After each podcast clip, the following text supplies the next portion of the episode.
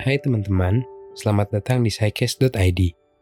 Hari ini aku mau kenalin ke kalian segmen baru di Psycast.id, yaitu Get Psych. Arti Get Psych sebetulnya sama artinya kayak excited atau pumped up. Nah, tujuannya aku mau buat kalian jadi lebih tertarik dengan psikologi dan belajar lebih dalam lagi dari orang-orang yang ahli di bidangnya. Di sini aku bakalan undang orang-orang yang memang bergerak di bidang psikologi untuk bisa memberi penjelasan tentang satu topik atau fenomena. Ada apa sih sebetulnya di balik fenomena tersebut? Teori apa yang memang mendasari fenomena ini? Di episode perdana ini, aku ajak teman kampusku. Dulu kita sama-sama dari Universitas Hamburg, tapi sekarang dia udah lulus dan lanjut ambil master. Please welcome Melinda. Hai teman-teman, perkenalkan nama saya Melinda. Sekarang lagi ngambil master di Clinical Psychology and Psychotherapy dan juga lagi kerja di bagian penelitian untuk Cognitive Neuroscience. Kita mau bahas apa nih, Mei? Um, kemarin kan kita sempat ngomong-ngomong tentang keluarga dan hubungan anak sama orang tua kan.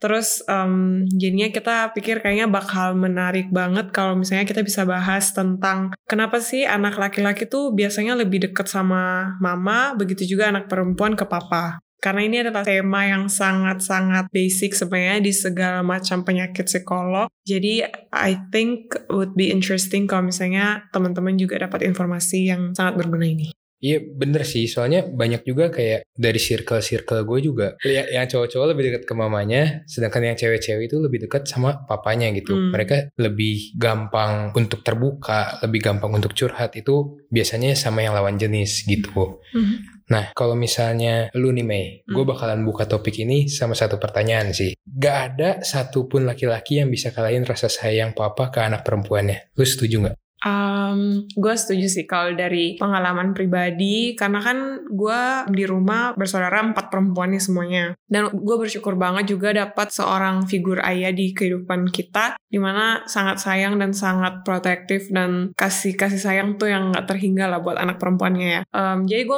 gue setuju banget sih yang apa yang tadi lu bilang. Dan juga kalau gue boleh ngomong dari personal experience gue emang benar yang teori-teori yang udah dipostulate sama beberapa psikolog ternama di dunia itu bahwa sebenarnya emang betul kalau anak perempuan tuh mem bisa punya eh, hubungan yang challenging ya sama seorang ibu karena emang udah part dari developmentnya mereka gitu. Terus lu kan tadi bilang eh, lu empat bersaudara cewek Hmm. semua nih. Iya. Gimana sih? Kan berarti jadi kasihan dong mama lu bisa dibilang nggak punya temen dong. Um, Kalau kayak gitu. Sebenarnya sebenarnya nggak juga karena kan ini kita ngomong kita nggak bisa bilang juga oke part dari perkembangan seksual tiap manusia apalagi perempuan itu nggak harus digeneralisasikan oke semua perempuan harus punya hubungan yang sangat susah sama mamanya gitu nggak harus digeneralisasikan untuk semua perempuan tapi bisa aja. Dan dan ini bisa dijelaskan oleh teori-teori yang udah ada di psikolog gitu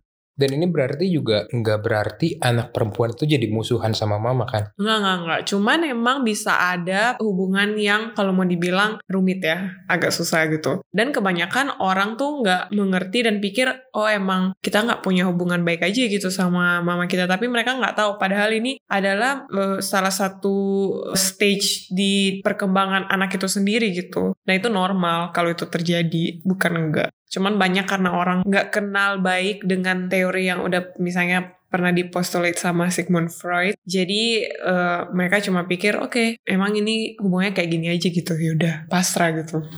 Terus kalau misalnya lu di rumah kan kalau menurut penelitian-penelitian ada itu cewek lebih terbukanya ke papa. Kalau lu sendiri gimana? Kalau kalau mau dibilang dia agak berubah sih. Jadi dulu emang waktu kecil gue lebih deket sama papa gue. Tapi setelah beranjak dewasa, dia itu setelah lulus SMA, setelah melewati masa pubertas lah kalau mau dibilang, em, itu gue justru lebih sering curhat ke mama gue. Walaupun ke papa juga, tapi jadinya dua-duanya gitu. Dan emang yang gue bisa bilang adalah fase-fase pas waktu gue di masa pubertas itu dia emang gak gampang hubungan gue sama mama gue. Tapi ya udah jadi part dari perkembangan itu gitu. Jadi kalau bisa melewati fase sulit itu menurut gue em, yang penting dua-duanya mau bekerja sama untuk mau melewati fase sulit itu gitu.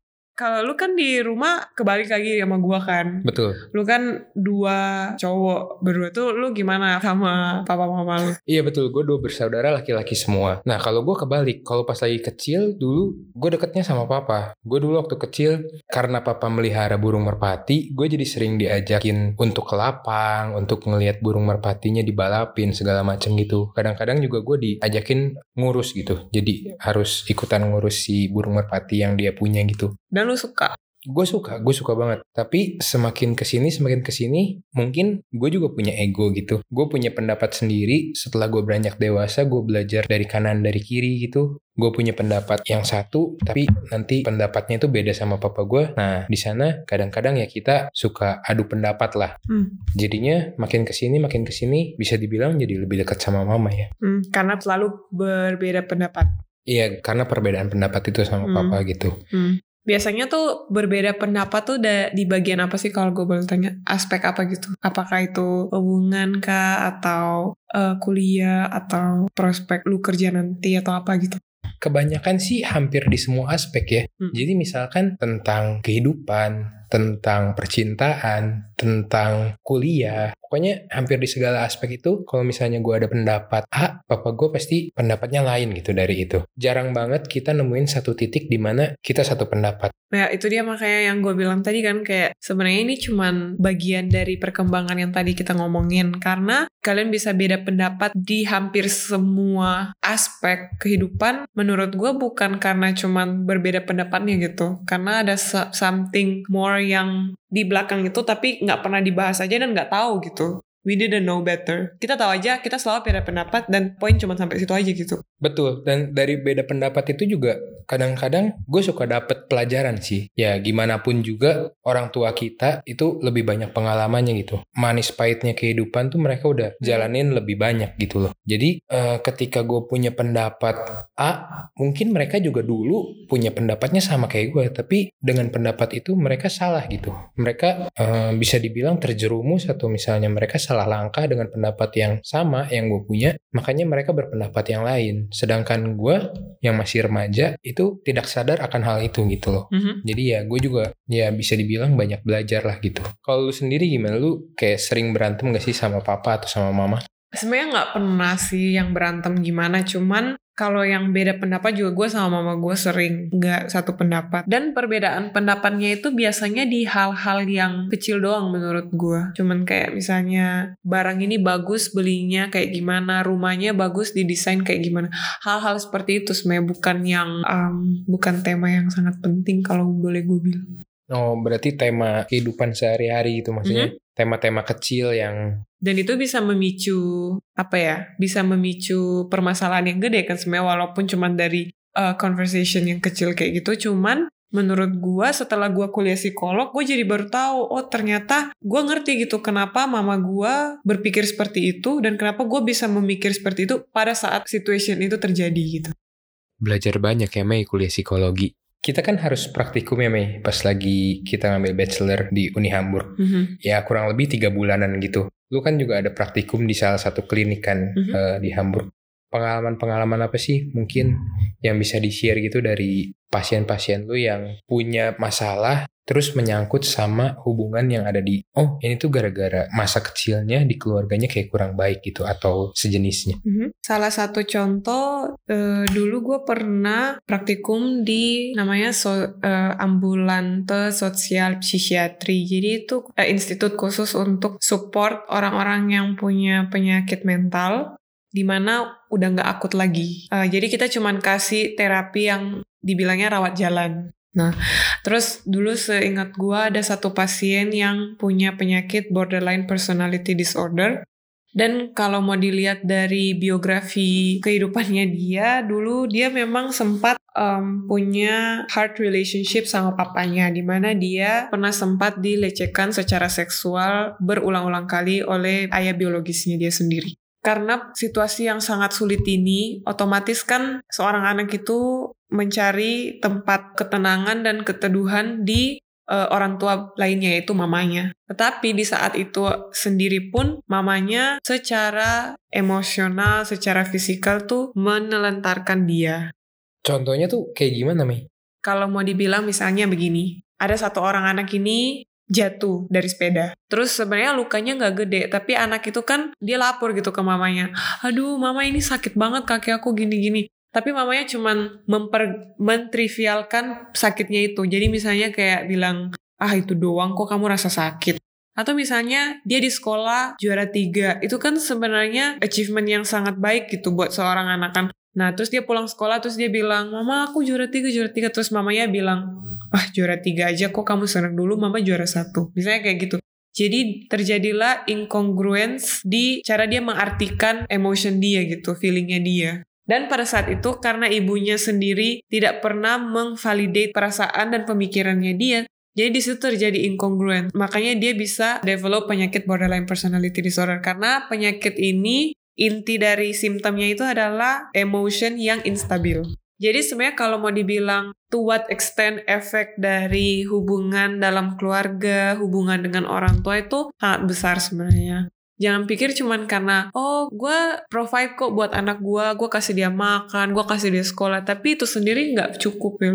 Jadi orang tua nge-provide secara fisik, secara materi itu nggak cukup dong, Mei? Nggak cukup karena di psikolog aja ada lima macam abuse yang dikenal. Jadi pertama ada kekerasan seksual, kekerasan fisik, dan kekerasan emosional. Tapi juga yang banyak orang nggak tahu yaitu pengabaian secara fisik dan pengabaian secara emosional. Jadi banyak juga orang bilang, oh gue nggak pernah kok mukul anak gue, gue nggak pernah maki anak gue, tapi secara emosional dia mengabaikan anak ini. Itu juga sebenarnya ada efek di mentalnya mereka gitu dan bisa berakibat fatal kalau misalnya berlangsung secara lama.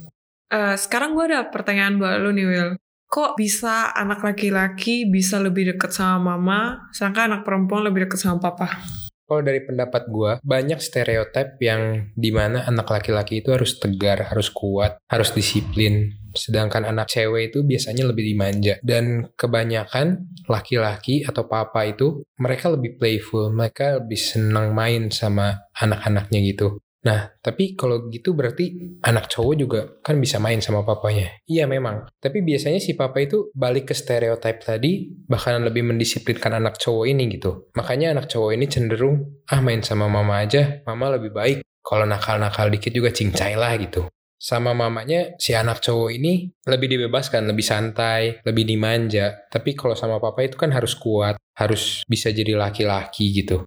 Di sisi lain si cewek juga biasanya lebih direspon sama papanya. Ketika dia main bareng sama papanya, uh, dia dimanja, dia dikasih mainan. Ketika dia main sama papanya, dia merasa lebih nyaman gitu si anak perempuan ini. Sedangkan sama mamanya itu biasanya suka dihukum atau dimarahin atau diomelin gitu-gitu. Uh, jadi dia mungkin punya pikiran mending sama papa aja lah dijagain, dimanjain, dijagain. Sama mama mah dihukum terus, banyaknya diomelin segala macam gitu. Jadi secara nggak sadar mereka lebih memilih orang tua yang punya gender yang berbeda gitu. Hmm. Tapi kalau misalnya secara teorinya gitu, Mei, hmm. sebenarnya apa sih, Mei?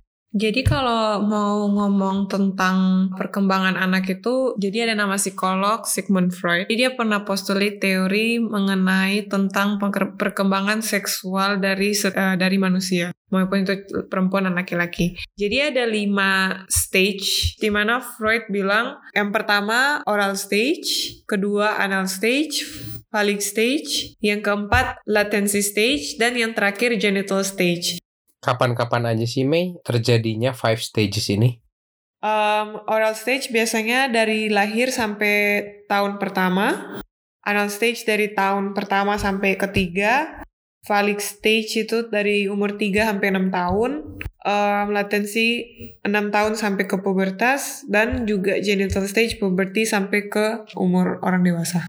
Jadi menurut teorinya Freud ini, fase mana sih yang menentukan, oh si anak perempuan ini lebih dekatnya ke papa dan anak laki-laki lebih dekatnya ke mama tahap yang ketiga namanya phallic stage. Jadi tahap phallic ini tahap ketiga perkembangan psikoseksual yang mencakup usia 3 hingga 6 tahun. Di mana keinginan bayi itu berpusat pada alat kelamin mereka sebagai zona sensitif seksual. Anak itu menjadi sadar akan perbedaan anatomi seks yang menggerakkan konflik antara ketertarikan erotis, kebencian, persaingan, kecemburuan, dan ketakutan yang disebut Freud sebagai kompleks Oedipus pada anak laki-laki dan kompleks Elektra pada anak perempuan. Dan ini diselesaikan melalui proses identifikasi yang melibatkan anak yang mengadopsi karakteristik dari orang tua yang berjenis kelamin yang sama.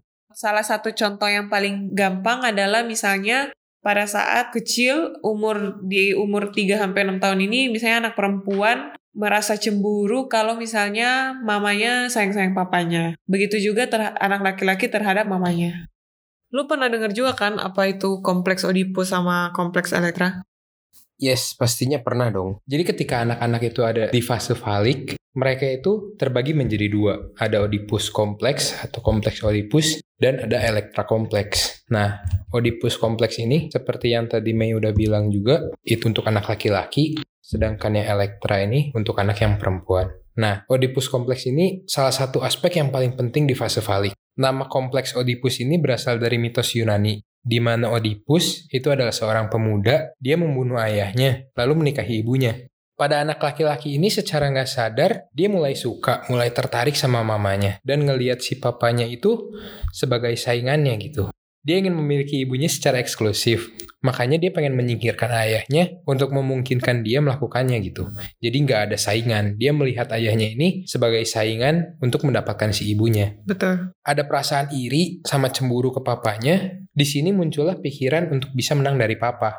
Makanya di mitos Yunani itu si Oedipus membunuh papanya gitu. Jadi uh, secara tidak masuk akal juga makanya anak laki-laki itu berpikir kan bahwa kalau misalnya papanya tahu semua ini, papanya bakal mengambil apa yang paling dia cintai. Dan makanya selama tahap falik ini kan yang paling disukai anak laki-laki itu adalah alat kelaminnya. Oleh karena itu anak laki-laki ini mengembangkan rasa kecemasan, pengebirian. Jadi dia takut dikebiri padahal enggak gitu ya Mi? Iya ini cuman sesuatu yang sangat filosofi karena dulu Freud waktu mengembangkan teorinya ini lebih ke arah filosofik daripada psikologi gitu. Oh, makanya ketika dia udah ke fase terakhirnya, fase terakhir dari Falik ini, dia mulai sadar, terus memutuskan untuk menyelesaikan masalah ini dengan meniru dan dalam tanda kutip bergabung lah gitu uh, ke tim ayah nih. Jadi dia mengadopsi gimana cara ayahnya berpikir, gimana cara ayahnya bertindak. Iya, betul. Dan makanya dengan kayak gitu cara anak laki-laki yang berusia 3 sampai 5 6 tahun menyelesaikan kompleks dari fase ini gitu.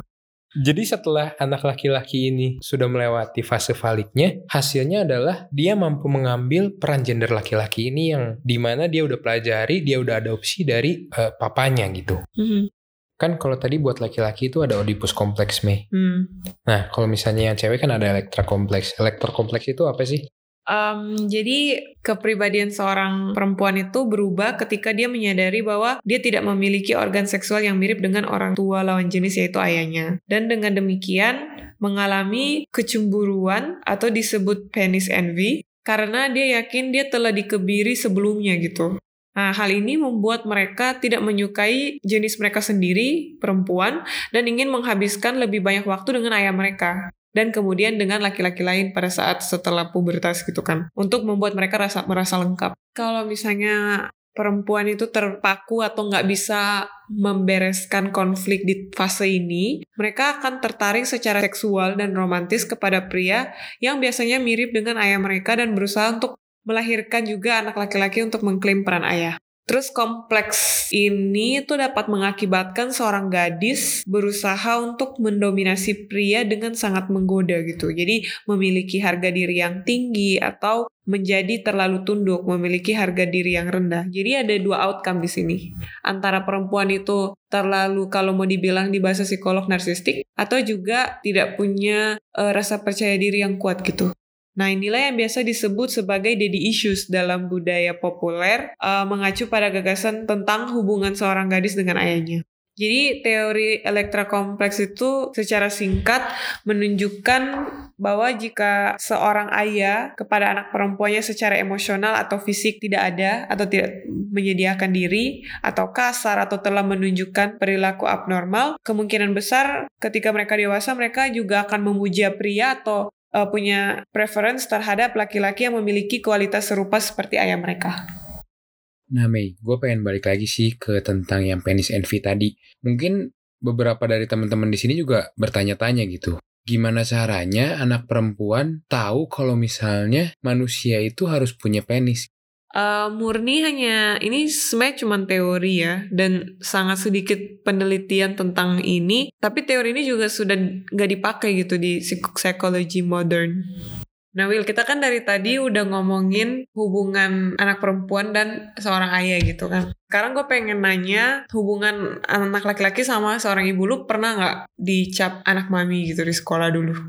Iya, gue dulu pernah sih uh, sempet beberapa kali gitu dicap sebagai anak mami karena ya gue sering curhat segala macam juga ke mama gitu. Hmm. Terus waktu itu lu ngerasa itu sesuatu yang positif atau negatif? Dulu gue sempet minder. Maksudnya anak laki-laki kan ya kayak yang tadi dibilang punya stereotip kalau misalnya kita itu harus kuat tapi dicap jadi anak mami kan kayak ah lu lemah ah lu mah cengeng konotasinya kayak gitu. Betul jadi kayak kita dicapnya konotasinya jelek gitu. Tapi setelah gue belajar dan gue baca-baca lagi cukup banyak itu manfaat-manfaatnya itu. Kalau misalnya seorang anak laki-laki menjadi anak mami itu nggak seburuk itu. Contohnya kayak gimana? Jadi ada salah satu dokter psikolog namanya dokter Pasco Veron dari Universitas Reading uh, di Inggris. Jadi dia mengatakan anak-anak yang punya keterikatan insecure dengan ibu mereka, terutama anak laki-laki nih ya, memiliki masalah perilaku yang jauh lebih signifikan. Bahkan ketika masalah perilaku ini diukur bertahun-tahun kemudian gitu.